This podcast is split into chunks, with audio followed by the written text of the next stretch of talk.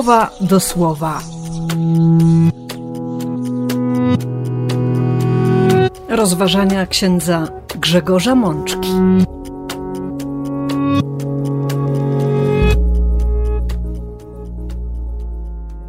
Jedenasta niedziela zwykła, rok A.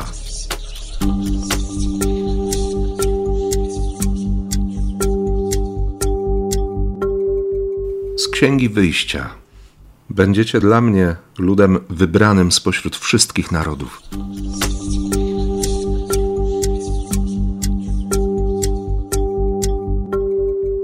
Z psalmu setnego. Pan bowiem jest łaskawy. Jego miłosierdzie trwa przez wieki, a jego troskliwość z pokolenia na pokolenie.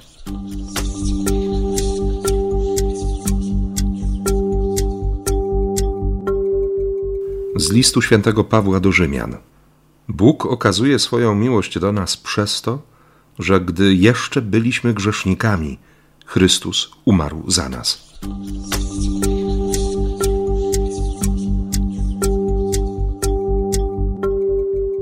Z Ewangelii według świętego Mateusza. Idźcie i głoście.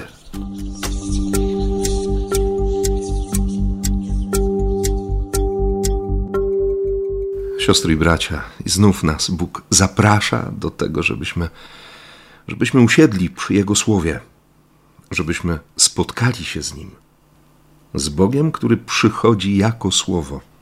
To słowo chce wejść w głębie naszego serca, chce się tam rozgościć, chce znaleźć miejsce, chce być mile widziane. To słowo chce też osiąść w naszych umysłach, byśmy je rozumieli byśmy nim żyli. Dlatego Bóg wzywa nas, tak jak Mojżesza w pierwszym czytaniu, w tym fragmencie z 19 rozdziału Księgi Wyjścia, do pewnego wysiłku, by wejść na górę Boga, by odejść na moment od swoich spraw, by zostawić je jakby u podnóża góry, te wszystkie odpowiedzialności, te zadania rozmaite, te wszystkie myśli, które zaprzątają nam głowę i są bardzo ważne, są bardzo istotne bo od nich zależy też nasze być w tym świecie. Zostawić to wszystko na moment, by spotkać Boga, by usłyszeć, co On ma do powiedzenia, w jaki sposób On postrzega naszą rzeczywistość. A pierwsze, co robi Bóg, to przypomina: Sami widzieliście, co uczyniłem. Pamiętamy dobrze, że, że to biblijne pamiętać chroni przed utratą tożsamości, ratuje przed przerażeniem wobec nieznanego.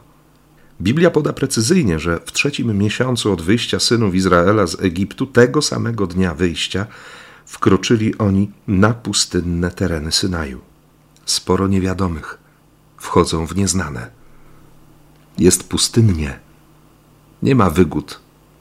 To będzie trudny czas mierzenia się ze swoimi słabościami z przyzwyczajeniami.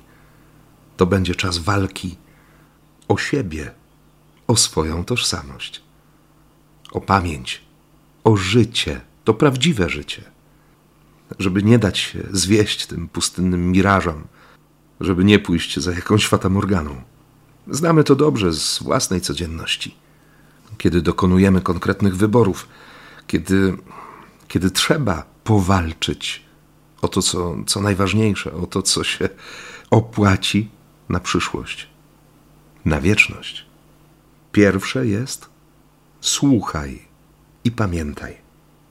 Podtrzymałem was jakby pisklęta na skrzydłach orła.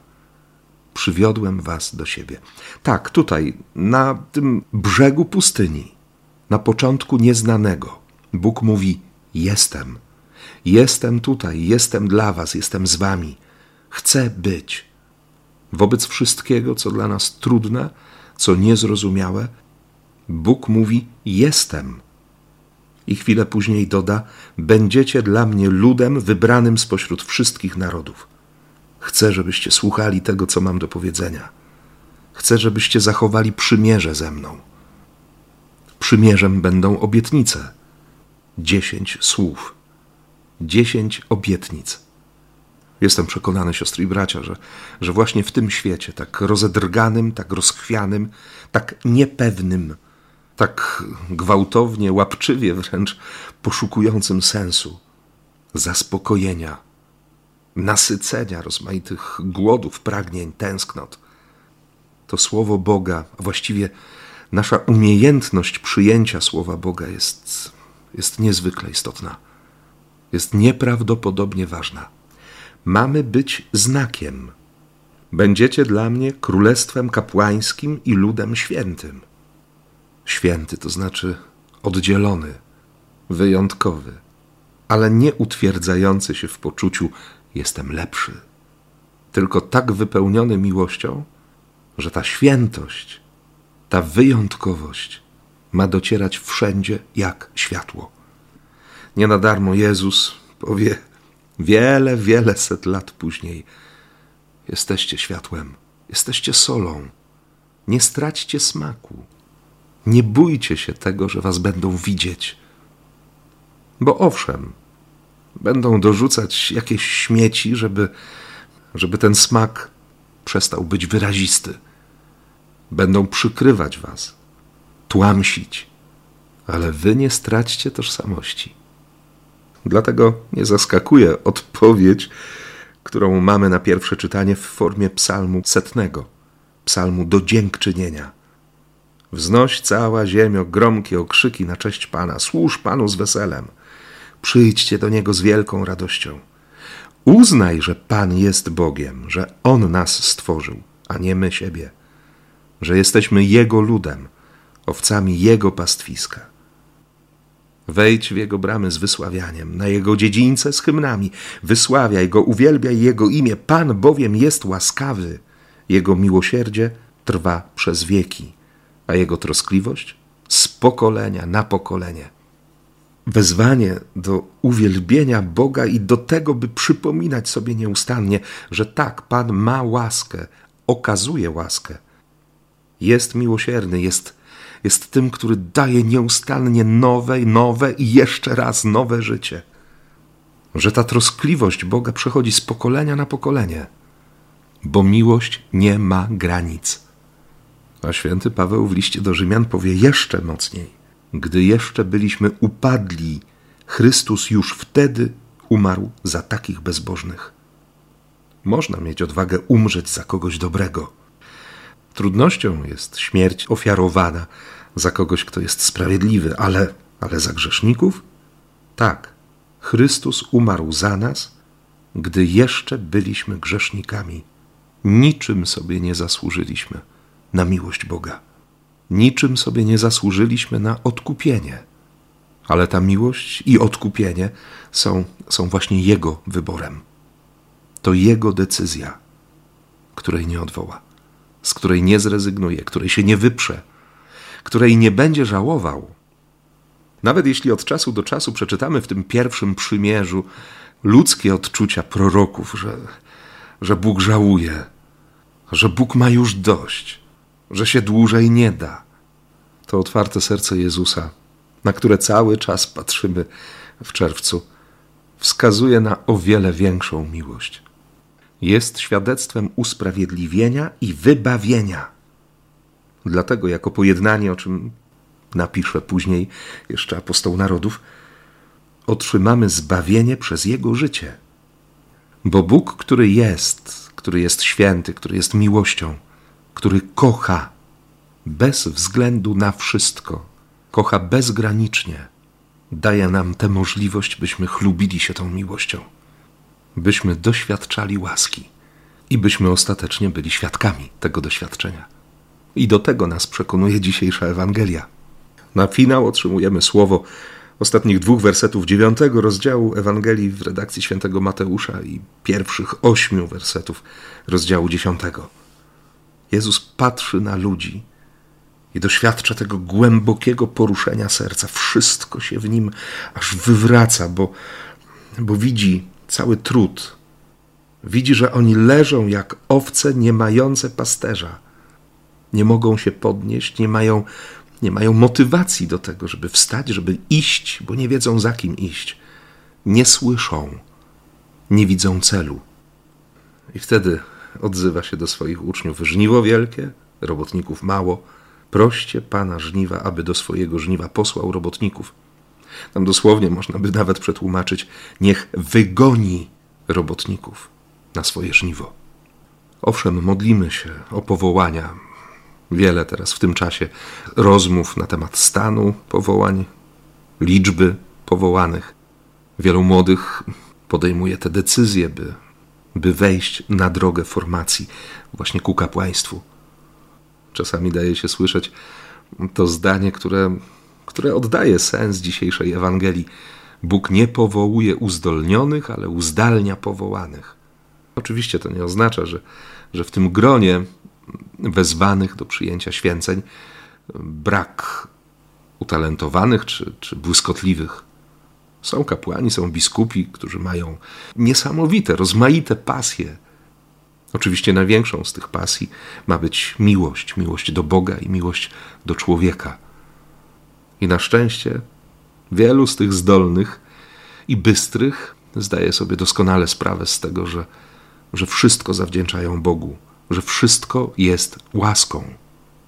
Dlatego chcą słuchać jeszcze bardziej. Chcą słuchać Boga, chcą odczytywać Boże pragnienia i, i te wszystkie intuicje, które są zbawienne dla wspólnoty Kościoła. Ale widzimy jednocześnie, że bohaterami dzisiejszej Ewangelii no, nie są ci wszechstronnie uzdolnieni, ci nadzwyczaj inteligentni słudzy ołtarza. Widzimy dwunastu. Znamy dziś już ich historię. Wiemy, jakimi byli ludźmi.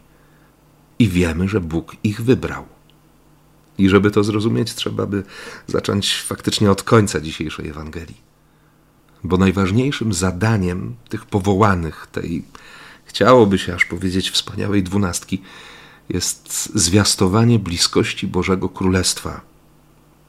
A to się dzieje przez, przez przywrócenie rozumienia i postrzegania świata, jakie było udziałem pierwszych ludzi. Bo ci wezwani i wysłani mają w imię Jezusa naprawiać chore relacje, ożywiać tych, którzy, którzy się zdążyli pogrążyć w jakimś mroku beznadziei, zauważać, zwracać szczególną uwagę na tych, którzy są traktowani w społeczeństwie jak, jak pariasi. Ale przede wszystkim mają przypominać i mają zaświadczyć swoją codziennością, że przekleństwo człowieka polega na upartym budowaniu życia w dystansie wobec Boga. A przecież oni się przekonali i oni mogą przekonywać innych, że, że Bóg chce być Bogiem bliskim, że Bóg naprawdę, autentycznie troszczy się o każde ze swoich stworzeń. I gdy widzi się te historie apostołów, kiedy zna się ich słabe punkty, kiedy czyta się o tych postawach odbiegających bardzo od ideału, to, to trudno wyjść z podziwu wobec skuteczności łaski i wobec Bożego zaufania. I od razu gdzieś tam we mnie pojawia się to pytanie, co myśmy przez te dwa tysiące lat zrobili z tym, z tym sposobem widzenia rzeczywistości na wzór Jezusa, patrzenia Jego oczami. Jak bardzo dziś widzimy świat właśnie tak, jak widzi go Jezus. To oczywiście zachęta dla każdego z nas, bo każdy z nas jest wezwany. Problemem dzisiejszego świata, powiedzielibyśmy może nawet problemem Kościoła, nie jest brak wezwanych. To również nie zniecierpliwienie Boga Ojca wobec naszych słabości, czy nawet milczenie Boga, który się po raz kolejny rozczarował ludzkością.